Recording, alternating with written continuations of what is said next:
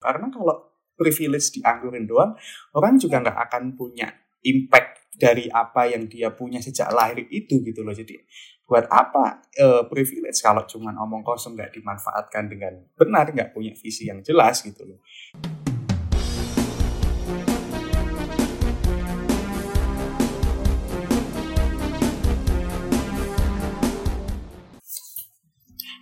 People, balik lagi sama gue Say di Kind Semen Podcast.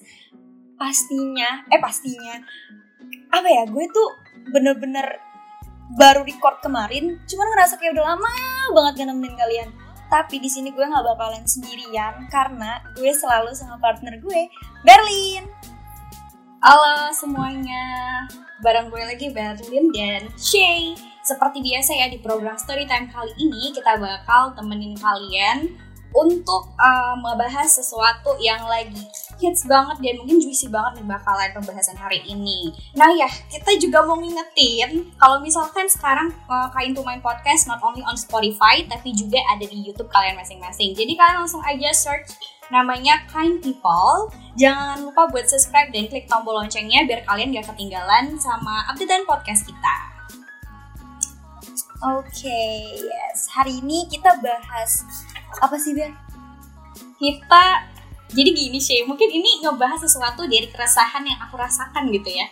Uh, jadi akhir-akhir ini itu okay. teman-teman aku sering banget gitu ngeluh katanya, kenapa sih orang-orang tuh bisa sukses karena privilege gitu? Sering banget gak sih dengar kata privilege? Aku sering banget dengar sih. Aku tuh sering banget dengarnya itu di posisi influencer ya. Banyak banget kayak ah dia mah bikin bisnis karena emang uh, udah terkenal makanya berhasil. Itu mah privilege dia karena dia udah punya followers banyak kayak gitu. Aku sering dengarnya kayak gitu sih biasanya. Iya sama sama. Uh, kurang lebih sama ya sama teman-teman aku yang kayak teman-teman aku bilang ah dia mah pintar main saham karena bapaknya juga suka main saham suka trading gitu. Makanya akhirnya okay. ikut juga gitu. Tapi kayaknya makin ke sini privilege makin dianggap apa ya ke hal yang negatif. Padahal sebenarnya enggak gitu dan orang mikir mungkin privilege itu cuma duit dan latar belakang keluarga doang tapi sebenarnya enggak. Nah ini yang kita mau omongin hari ini. Tapi sih kita hari ini tuh cu enggak cuman berdua doang ya. Karena apalah dari kita tanpa narasumber hari ini kita bakal ajak uh, salah satu temen aku gitu yang punya bisnis dia sendiri. Mungkin langsung aja kita panggil. Halo. Halo halo, halo. Berlin halo say halo semuanya Okay. Gimana? Sama gimana nih? Apa kabar? Baik kabarnya. Kalian gimana? Alhamdulillah sehat. Lagi Omikron gini harus jaga kesehatan ya. Iya bener. Apalagi musim hujan hmm. lagi. Uh, mungkin uh, kesibukannya apa nih sama akhir-akhir ini? Ngapain aja? Oke, okay. uh, kesibukanku um, akhir-akhir ini selain kuliah online juga aku ada uh, urus beberapa usaha yang ada di rumah ada dua restoran dan ada beberapa perusahaan transportasi yang ada di Boyolali atau di Solo Raya ini. Soma tapi kayaknya tadi oh. Kain People belum pada tahu Tapi, gitu. Uh, Soma ini uh, mahasiswa okay. kuliah di mana atau bisa perkenalan dulu sama Kain People biar Kain People pada tahu. Oke, okay. oke. Okay. Aku kuliah di Fakultas Hukum Universitas Islam Indonesia di Jogja. Uh, lagi di semester 4 ini, jadi umur 20 tahun dan sekarang aku mengelola beberapa perusahaan. Salah satunya Omah Brem di Boyolali dan Terminal Kepiting di Jogja. Juga ada beberapa usaha transportasi kayak Somatrans di Boyolali dan NRA Tour and Travel yang juga di Boyolali. Gitu gitu berarti keren banget uh, bisnisman banget ya Shay. Tetap sibuk walaupun lagi uh, dunia tuh sebenarnya lagi aduh lagi kenapa sih ya? Penyakit di mana di mana? Cuman kita walaupun di rumah aja ini kayaknya sama produktif banget nih. Berapa tuh berarti uh, bisnis yang lagi dijalanin totalnya? Kalau sekarang uh, kita lagi jalan di empat bisnis. Uh, ya semoga nanti bisa berkembang lagi. Amin amin. Amin Um, anyway, kalau boleh tahu nih uh, bisnis Soma ini uh, dari keluarga turun temurun dari keluarga atau emang uh, ada yang ngedirin sendiri gitu dari idenya Soma sendiri gitu? Boleh diceritain? kalau kita runtut, oh ya, oke, okay. uh, makasih Berlin. Kalau kita runtut sejarah uh, apa yang aku kerjain sekarang, jadi aku punya beberapa usaha yang aku urus sendiri kayak terminal kepiting dan omah bem. Tapi di sisi lain karena memang uh, Juli kemarin bapakku meninggal karena COVID, jadi aku harus meneruskan beberapa pekerjaannya, salah satunya di transportasi itu tadi, Somatrans dan NRA Tour and Travel itu, gitu. Jadi campuran, jadi ada yang dari keluarga dan ada yang memang aku create sendiri. Gitu. Tapi kalau misalkan aku lihat-lihat ya, Oma Brum sama Terminal Kepiting ini desainnya unik banget loh, sih. Jadi kalau terminal kepiting, ah ya, oh, iya. udah ngecek ya. Jadi kalau misalkan konsepnya, lah emang Berlin udah pernah? Oh, enggak, aku ngeliat di IG. Pernah ke sana? IG. Nanti aku ke sana, nanti okay. aku ke sana deh. Tungguin ya. Iya. Nah, jadi kalau misalkan terminal kepiting itu aku lihat kayaknya konsepnya tuh kayak dibuat uh, tempat makan seafood tapi kayak terminal ada bisnya beneran gitu. Jadi makannya tuh di di bisnya gitu gak sih? Bener gak sih sama? Iya benar. Iya iya benar. Jadi kita itu cat. Jadi itu bis bayangin aja itu bis dari uh, teman-teman kalau uh, landing dari pesawat itu kan biasanya kita naik bis ya untuk transit. Nah itu bis bis untuk uh, transit pesawat itu. Jadi itu kita pakai buat makan kepiting di Jogja. Hmm, unik banget ya konsepnya itu inovatif banget loh. Iya, itu dulu aku mulai dari SMA. Ih, keren banget. Udah kepikiran ya SMA? Kalau SMA aku SMA udah kepikiran iya. kuliah. Baru mau ngomong kayak gitu loh, baru ngomong kayak gitu. SMA udah kepikiran kayak gitu. Aku sih mikirnya kuliah SBM. Iya.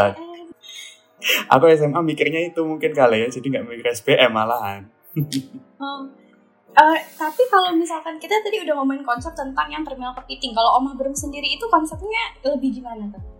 Kalau konsep yang di Omah Brum, kita kan kalau teman-teman yang dari sering ke main ke Pulau Jawa mungkin kita tahu ada cemilan namanya brem jadi itu kayak uh, bukan kue jadi itu kayak permen. Jadi ketika digigit itu kayak langsung melted di lidah gitu ya rasanya. Tapi bukan beralkohol kayak yang di Bali ini halal gitu ya.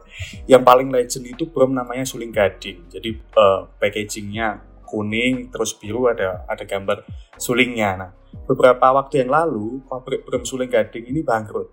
Dan ketika covid ini uh, itu menyisakan satu apa ya kita kita kan uh, kalau orang Jawa ngomongnya eman-eman itu sangat apa namanya uh, kasihan gitu ya dan uh, sebetulnya peluangnya banyak sayang banget ya.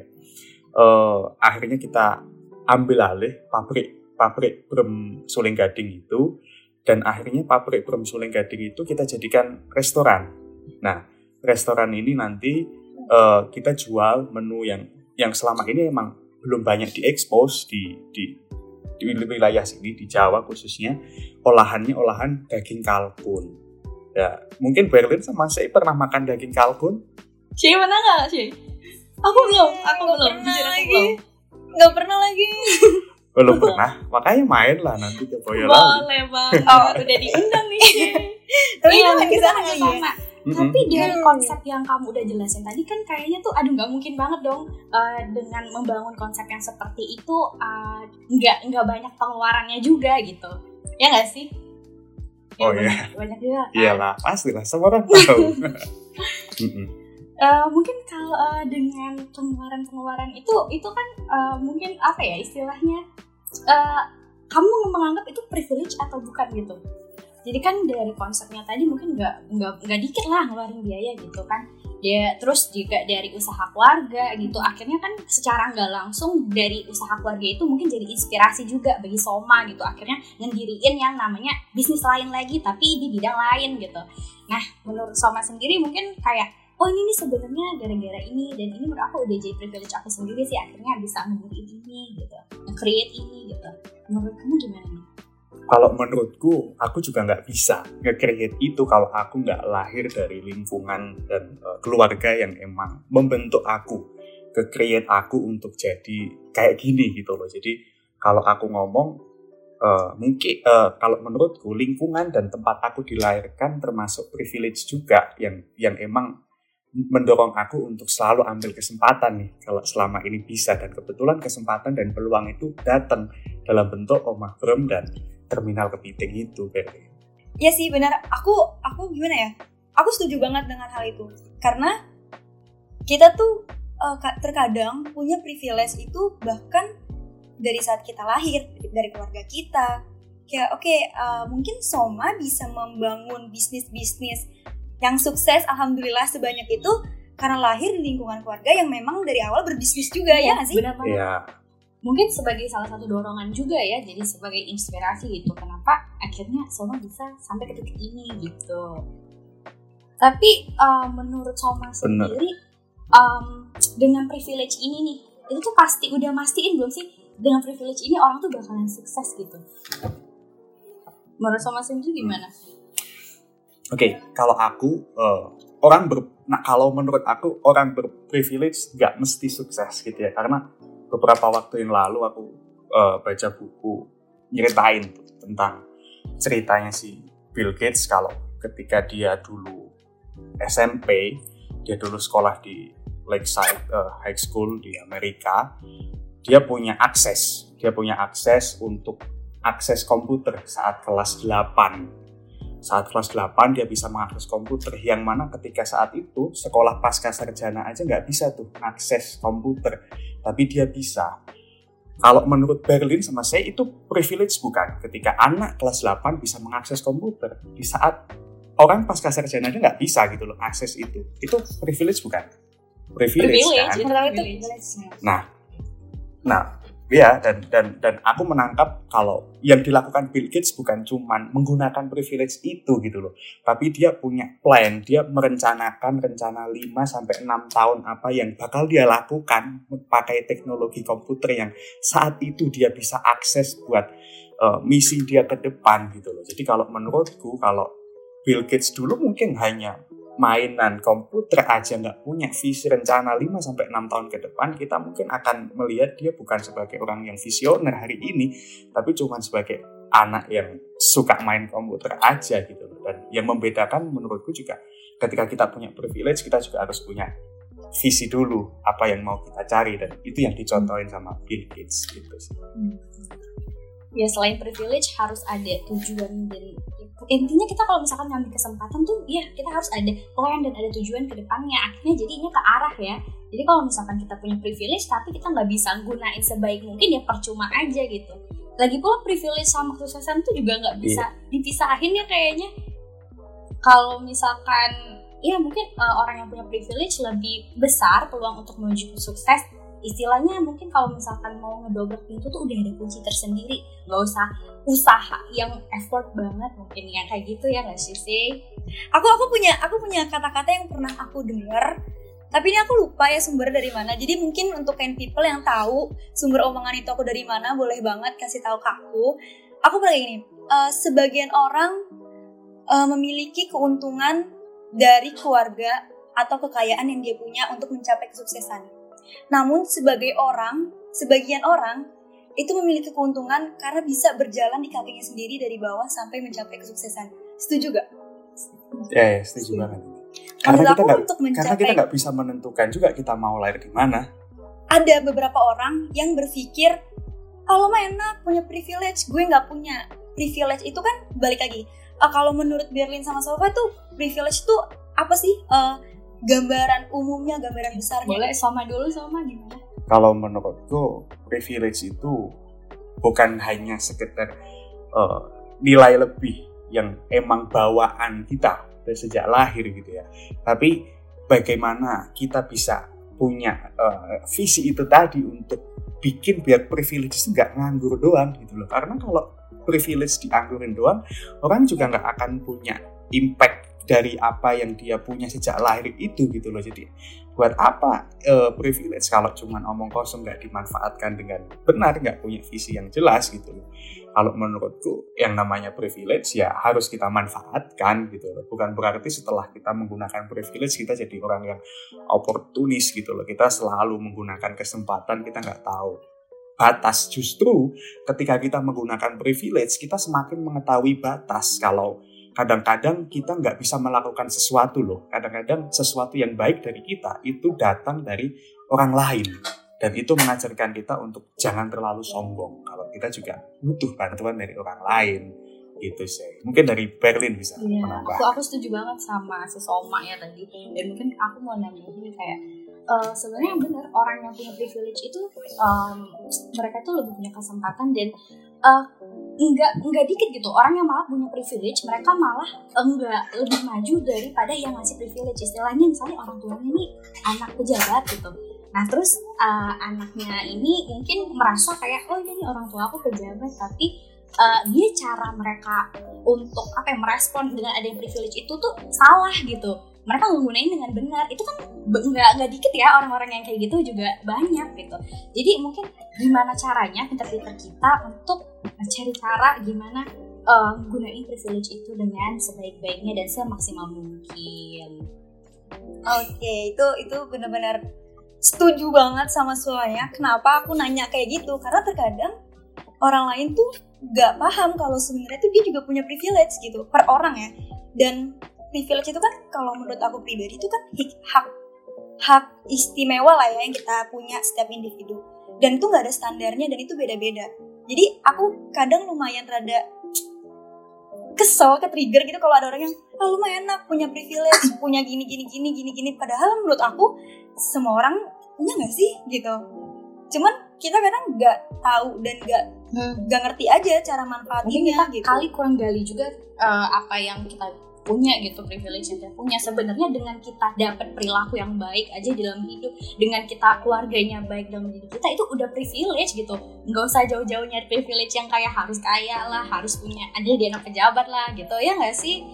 Dan kalau misalnya kita ngomongin tentang kesuksesan tadi uh, menurut Soma dan Shay sendiri nih kan ada tuh ya di dalam pelajaran sosiologi mobilitas sosial gitu. Nah mobilitas sosial ini kalau misalkan kita hubungin sama privilege, menurut kalian ini uh, ada dampaknya nggak sih sama mobilitas sosial gitu? Boleh deh kali sama dulu atau Shay dulu boleh? Kalau aku melihat emang privilege ini emang erat hubungannya sama mobilitas sosial.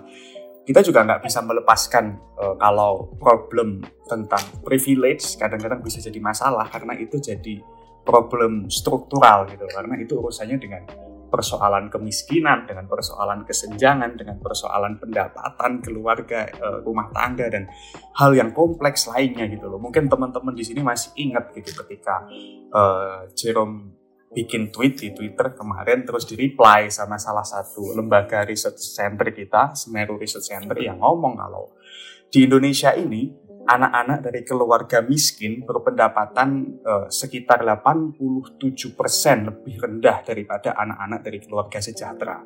Artinya apa? Artinya emang privilege ini pengaruhnya besar banget untuk pertumbuhan anak-anak dan uh, remaja bahkan ketika orang itu sudah dewasa karena itu impactnya ke akses uh, yang disediakan oleh lingkungan uh, baik pendidikan baik apa namanya tempat uh, peer group, tempat sepermainan ataupun akses pendidikan yang bisa diakses oleh uh, teman-teman ini gitu.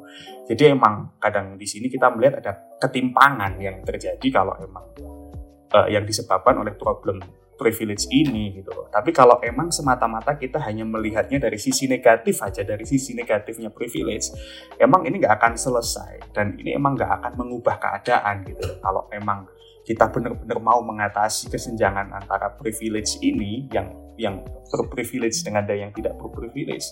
Salah satu solusinya yaitu dengan memanfaatkan privilege itu sendiri untuk membantu orang yang tidak berprivilege gitu loh.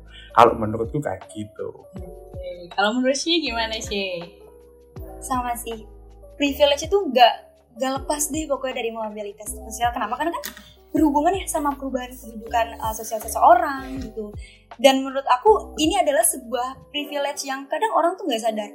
Koneksi atau orang dalam itu kan biasa kayak ah lu enak punya orang dalam gitu kan. Tapi menurut aku itu suatu privilege. Misalnya di kampus uh, aku punya temen aku bergaul sana sini yang ternyata teman-teman aku itu adalah sumber privilege aku untuk naik ke jenjang atau perubahan sosial yang mungkin aku nggak tahu. Kayak misalnya uh, anggaplah aku ini uh, yang tidak sejahtera amat gitu ya istilahnya. Nah, aku berteman sama lingkungan-lingkungan yang positif yang di saat mereka bekerja di suatu tempat, aku mendapatkan privilege uh, dia tuh menawarkan sesuatu yang dia punya gitu. Ngerti gak sih maksud aku? Jadi kayak say uh, gue ada nih kerjaan di sini sini sini kayaknya lo masuk deh kualifikasi yang dibutuhin itu kan rekan kerja, rekan teman yang nanti jadi rekan kerja itu menurut aku suatu privilege sih. Karena kita punya apa ya punya lingkungan yang positif yang bisa jadi privilege buat kita. Ini mungkin aku ngomongnya agak muter-muter ya cuman menurut aku privilege itu tetap ngaruh sama perubahan kedudukan sosial Hmm, itu sih. Men- me- iya benar, aku setuju banget sama kalian berdua. Mungkin cara pandang kita terhadap privilege itu harus diubah ya. Gimana caranya kita ngelihat orang yang berprivilege itu, oh iya nih dijadiin kesempatan aja, dijadiin anak tangga aja gitu untuk sebagai shortcut lah istilahnya ke pencapaian kita untuk mencapai pencapaian kita. Dan kita juga nggak bisa bilang sih kalau misalkan mobilitas sosial itu enggak berkaitan dengan yang namanya privilege mungkin kalau misalkan kalian masih inget nih ya kalau misalkan di sosiologi itu mobilitas sosial ada yang namanya as- assigned status ada ascribed status ya kan? Nah kita mungkin bisa eh, mengkategorikan assigned status yang terlah eh, yang ada sejak lahir itu sebagai privilege ya kan? Kalau misalkan dari ascribed status itu sendiri sebenarnya se- eh, suatu apa ya istilahnya suatu hmm, status yang didapat karena usaha gitu. Oke. Hmm. Nah, tapi kalau misalkan tadi aku ngomong tentang eh, shortcut gitu, shortcut. Istilahnya eh, jalan lintasan gitu, jalan lintasan lah kita istilahkan ya. Menurut eh, Soma sendiri nih, eh, privilege itu bisa sebagai shortcut nggak sih? Kayak banyak orang bilang tuh kan privilege itu kayak nih gara-gara privilege tuh sebagai jalan lintasan aja gitu untuk bisa mencapai tujuan kita gitu. Hmm. Menurut kamu gimana Soma? Kalau menurutku juga bisa dibilang enggak sih. Karena memang kebanyakan dari kita kalau kita berpendapat orang pakai privilege jadi jalan pintas kadang-kadang kita nggak sadar kalau kita ketika ngomong kayak gitu kita kejebak tuh dalam imposter syndrome gitu loh. Jadi kita merasa sebagai korban akhirnya kita merasa kalau oh eh, ketika oh orang ini emang emang pada dasarnya emang keluarganya kaya sih atau emang orang relasinya keluarganya banyak memang kayak gitu ya. Tapi kita nggak sadar kalau ketika ngomong kayak gitu kita kejebak sendiri dalam keadaan imposter syndrome itu tadi yang mana malah justru ngerugiin kita yang harusnya kita ikut memaksimalkan peluang sambaran dengan cara kita eh, menjalin relasi sama orang itu kita malah seolah-olah menjauhi mereka gitu kalau menurut aku gitu. Kalau menurut eh, Berlin atau saya Boleh sih gimana menurut Shay sendiri? jalan pintas ya menurut aku 50-50 sih kalau jalan pintas. Karena ada beberapa orang yang memang pintar menggunakan privilege untuk lebih cepat aja. Lebih oh kalau gue gunain ini lebih mudah nih gitu. Kayak kayaknya belakangan ini tuh ada influencer yang baru bikin bisnis dan itu tuh bener-bener eh, besar banget campaignnya menurut aku itu kan dia juga menggunakan jalan pintas atau privilege dia karena dia sudah mempunyai banyak masa gitu. Kalau misalnya dia tidak menggunakan privilege dia untuk campaign itu, tidak menggunakan jalan pintas uh, dengan menggunakan masa dia, mungkin agak sedikit prosesnya lebih lambat aja. Bukan berarti yang punya privilege akan lebih berhasil dan yang yang uh, tidak memakai privilege tidak uh, berhasil gitu. Cuman mungkin prosesnya itu loh dari jalan pintas ini kan sebenarnya udah ketebak ya namanya jalan pintas itu jalan yang lebih cepat menuju sesuatu. Menurut aku 50-50 sih kalau misalnya emang privilege itu digunakan atau bisa disebut juga jalan pintas karena ya itu ada beberapa orang yang memang menggunakan privilege untuk lebih mudah dan lebih cepat. Ada yang kayak, aduh kayaknya kalau misalnya gue menggunakan privilege ini bakalan jadi bumerang deh buat gue. Karena kan privilege ini kan tanggung apa ya pertanggung jawabannya itu nggak seenteng itu ya. Maksudnya kita punya privilege keluarga yang emang berbisnis banget nih dari dari kita kecil. Kita tiba-tiba memegang bisnis yang besar juga. Itu suatu menurut aku ada tekanan juga kan. Pastilah ada tekanan juga gitu dan pertanggung jawabannya nggak mudah sih menurut aku. Ah, kalau dari aku sendiri ya mungkin sedikit nambahin sama ah, aku tadi ingat nih kata Soma. Kalau misalkan balik lagi nih kata Soma tadi. Iya benar privilege eh, privilege itu eh, kalau misalkan gimana caranya percuma kalau misalkan kita ada jalan pintasan tapi kita nggak tahu akhirnya visi kita ke mana arah kita ke mana ya percuma aja gitu kan. Nah ya ngomongin soal tanggung jawab nih atas privilege tadi gitu nah aku aku inget aku keinget sama cerita sepupu aku gitu. Jadi uh, uh, jadi ini gini jadi di suatu kantoran gitu ya kita uh, BUMN gitu salah satu perusahaan BUMN nah jadi ada salah satu karyawan nih tiba-tiba dia langsung masuk aja tanpa ada uh, OPEC sebelumnya dari BUMN gitu. Nah terus Nah, sepupu aku salah satu karyawan situ ya bingung gitu kan di karyawan lama gitu. Kok tiba-tiba orang ini bisa langsung masuk aja. Oh, titipan nih kayaknya dari orang di atas gitu. Nah, e, bisa dibilang dari atas sampai bawah Louis Vuitton semua gitu, LV semua gitu. Wah, bener-bener bukan anak seorang sembarangan nih kayaknya. Ak akhirnya kerja nih kerja kerja uh, satu minggu dia uh, setiap dikasih kerjaan gitu ternyata dia sama Excel aja nggak ngerti. Nanya sama sepupu aku buat gimana ya caranya uh, ngebuat tabel di Excel gitu? Wah nggak mungkin banget dong sesuatu yang dasar kayak gitu nggak tahu. Akhirnya gara-gara semua kerjaan yang dikasih ke dia sama manajer nggak dikerjain akhirnya manajernya juga capek sendiri gitu kan. Teman-temannya juga capek sendiri. Akhirnya setelah tiga bulan dia resign sendiri Nah, itu kan menurut aku salah satu privilege yang nggak bisa dipertanggungjawabkan gitu kan. Akhirnya dia uh, apa ya istilahnya punya privilege tapi dia nggak bisa struggle di dalam lingkungan itu akhirnya tersingkirkan sendiri gitu nah menurut kalian nih gimana sih cara menggunakan dan cara memaksimalkan privilege itu mungkin dari Salma dulu nih gimana tips and tricks oke okay. kalau menurutku uh, cara menggunakan privilege dengan benar agak tanda kutip ya, benar itu uh, sebetulnya privilege sama keberuntungan itu sama kalau kita mau menggunakan dengan benar. Sebenarnya dua-duanya ini uh, di, lahir dari kesiapan yang ketemu dengan kesempatan. Jadi kita siap di saat yang tepat.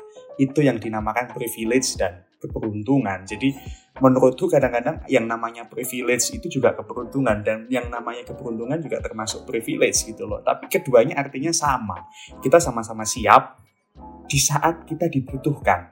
Nah, kadang-kadang yang dicontohin Berlin tadi, kita nggak siap, tapi ada kesempatannya gitu loh. Jadi itu apa? Tidak akhirnya juga bukan privilege yang baik juga, juga bukan keberuntungan karena kita sial sendiri, kita yang nggak siap gitu loh. Jadi kalau menurutku privilege sama keberuntungan itu sama, yaitu ketemunya antara kesiapan sama kesempatan dan kita siap di saat yang tepat gitu Berlin. Mungkin saya nambahin. Sebenarnya banyak sih kata-kata yang bener-bener udah pas banget. Aku juga tadi ngomong kayak, wah pas Berlin cerita, wah itu kesempatannya ada sih. Cuman mungkin dia menggunakan privilege-nya kurang kurang pas aja timingnya gitu. Mungkin dia belum belajar untuk menggunakan privilege dengan baik uh, akhirnya jalan pintas itu yang harusnya menjadi tangga proses yang lebih mudah malah menjadi sesuatu yang bisa jadi balik lagi seperti perkataan aku tadi menjadi bumerang buat dirinya sendiri hmm. gitu. Aku jadi keinget nih sama apa namanya uh, quotes dari JFK John Kennedy gitu.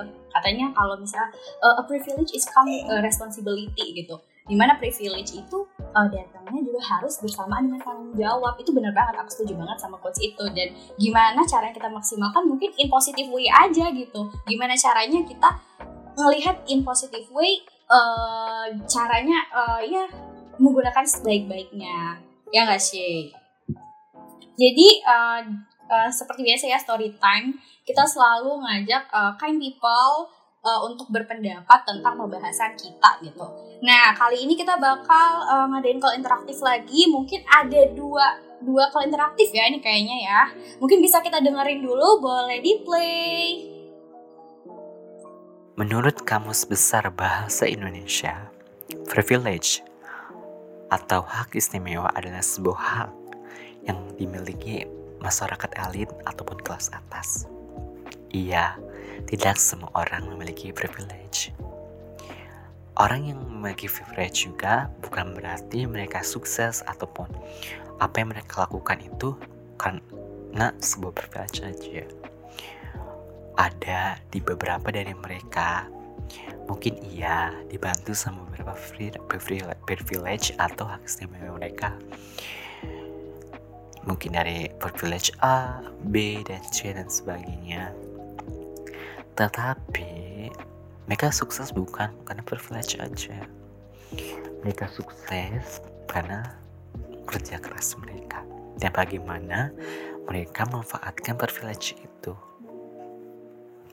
Dan mungkin orang yang tidak memiliki privilege, mereka juga berjuang dari bawah sampai mereka sukses.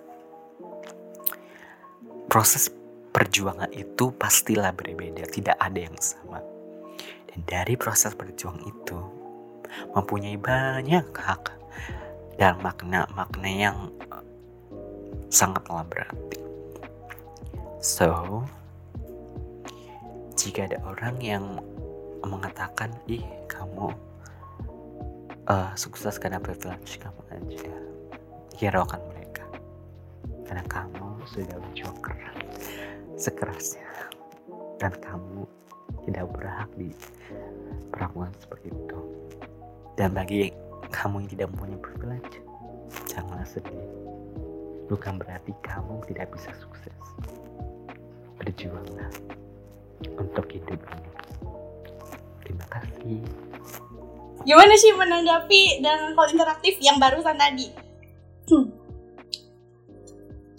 Aku sih nge-highlightnya intinya jangan bersedih kalau misalnya memang um, kita tidak merasa punya privilege. Cuman balik lagi ya kalau menurut pendapat aku sih setiap orang punya privilege gitu.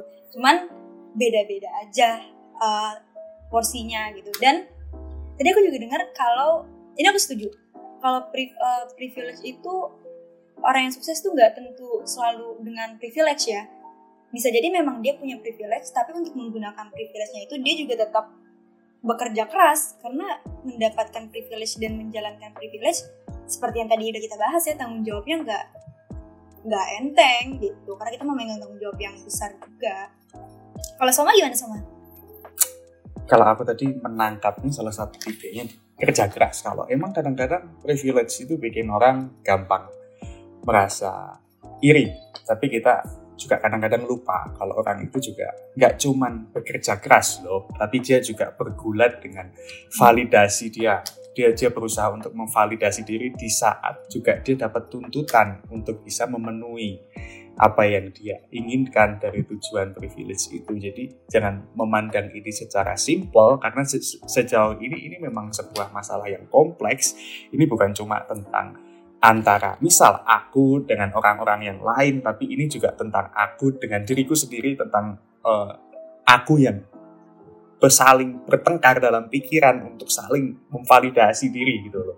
Jadi ini memang pertengkaran yang bukan cuma melibatkan orang lain tapi juga melibatkan diri kita dan sebenarnya ini se uh, bukan cuma kerja keras sih tapi ini juga uh, pergulatan yang nggak nggak nggak gampang dan dan kadang-kadang orang lupa tentang hal itu kalau kalau aku gitu kalau kalau aku gimana? sendiri aku setuju sama uh, si Soma tadi ya mungkin orang tuh ya ngepostnya atau ngelihatnya itu pas suksesnya aja. Orang nggak tahu gitu uh, uh, jungkir baliknya usahanya apa gitu. Di dalam membangun sesuatu yang menjadi tujuan dia tadi. Orang tahu udah suksesnya aja gitu. Orang tahu karena ada privilege-nya aja. Tapi orang-orang nggak tahu gitu seberapa berdarahnya kita gara-gara berusaha untuk mencapai itu. Ya kan? Benar banget gak sih Shay? Nah kita bakal dengerin call interaktif kedua. Boleh langsung di play aja privilege. Gak ada manusia yang bisa memilih ingin lahir di mana, oleh siapa, atau seperti apa. Jadi kita gak perlu sibuk membandingkan privilege yang kita miliki dan yang orang lain punya. Yang terpenting adalah jangan berhenti berusaha, berkarya, dan menjadi dirimu hanya karena merasa gak punya privilege. Just by being who you are, it's already a lifetime privilege singkat, padat, tapi buh bahasa Inggris. Coba Berlin gimana artinya? sorry, aku nggak denger ya bagian bahasa Inggrisnya tadi. Sorry banget. Yang aku highlight sih yang ini ya, yang bagian uh, jangan pernah uh, berhenti untuk berkarya, jangan pernah berhenti untuk berusaha, walaupun uh, kalian nggak punya privilege. Itu doang yang menjadi poin yang aku dengar tadi. Kalau sama gimana menanggapi kalau interaktif tadi? Oke, okay, sama gimana nih? Aku sama sih bagian itu juga Pelin jadi uh, ada satu connect yang sama aku yang ngomongin tadi gitu loh. Semakin kita nggak berhenti buat berusaha, itu semakin kita menumpuk buat kita nyari keberuntungan gitu loh. Semakin kita mempersiapkan diri untuk peluang yang ada di depan gitu loh. Jadi jangan berhenti doang karena kamu merasa nggak punya privilege. Justru semakin banyak belajar, kita semakin menyiapkan diri gitu loh buat peluang-peluang yang ada di depan. Kalau saya gimana?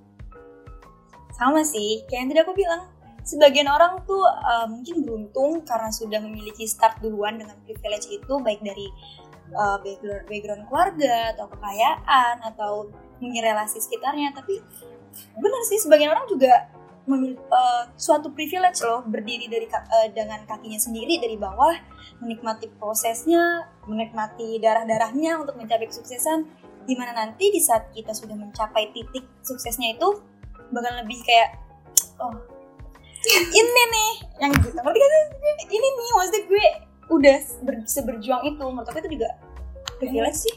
Mungkin kalau misalkan kita nggak dapat privilege sekarang gitu dari orang tua mungkin kita bisa ngebuat privilege untuk anak kita nanti ya nggak sih? Untuk generasi berikutnya nanti. Why not? Ya kan?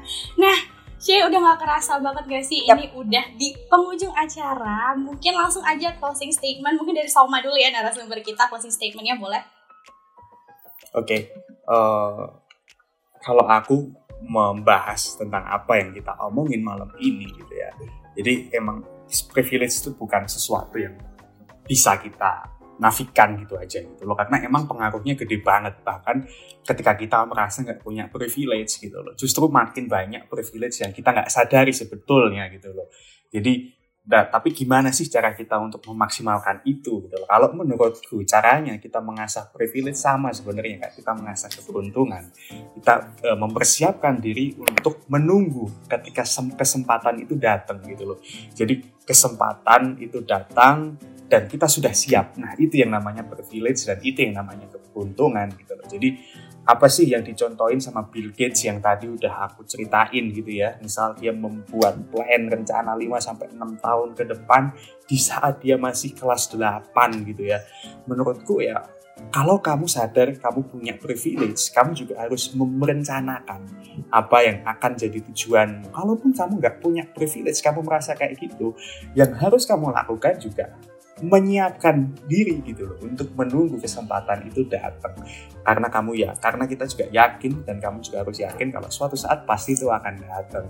Kalau menurutku kayak gitu. Jadi sia-sia banget kalau kita menyia-nyiakan privilege karena uh, semakin banyak uh, relasi semakin banyak teman semakin uh, banyak kenalan semakin banyak pengalaman yang kita punya itu juga privilege buat kita gitu loh dan saranku kita harus memperbanyak itu di saat umur kita masih muda.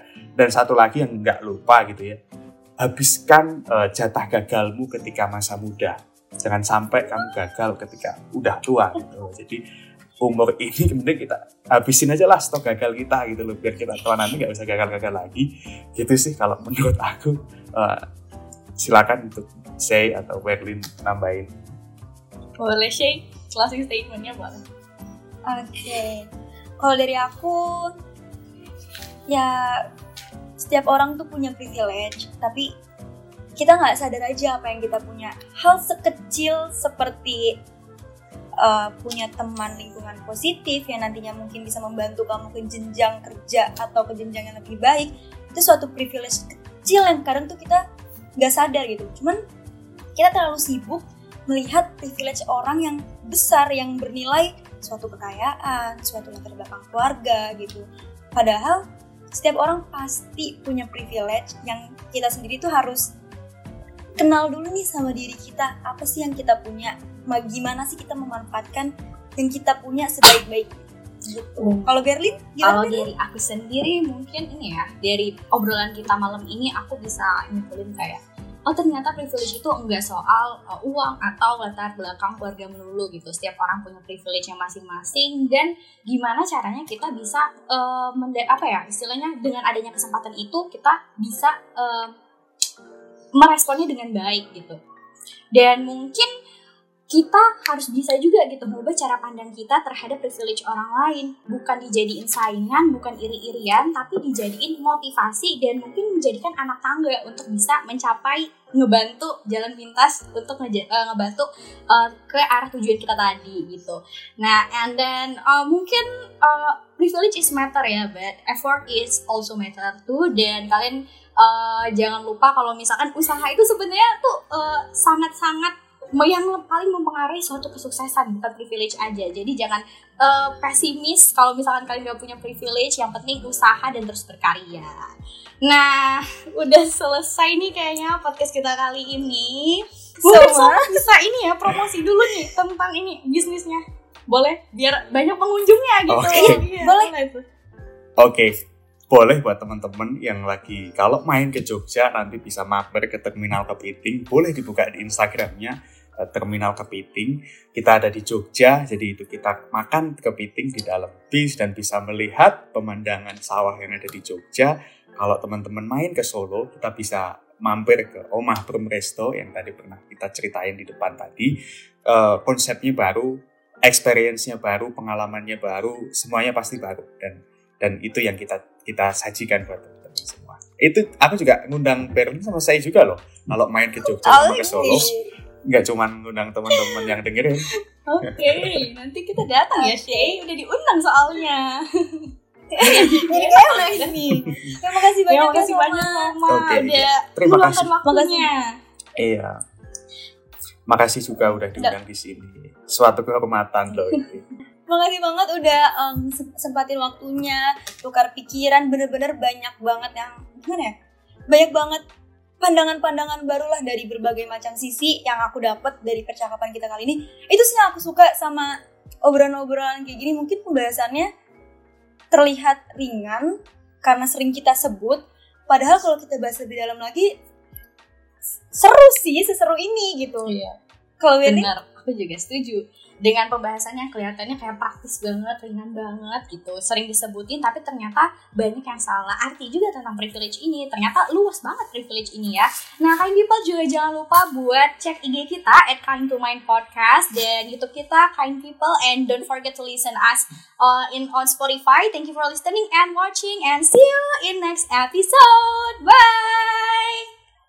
Bye bye.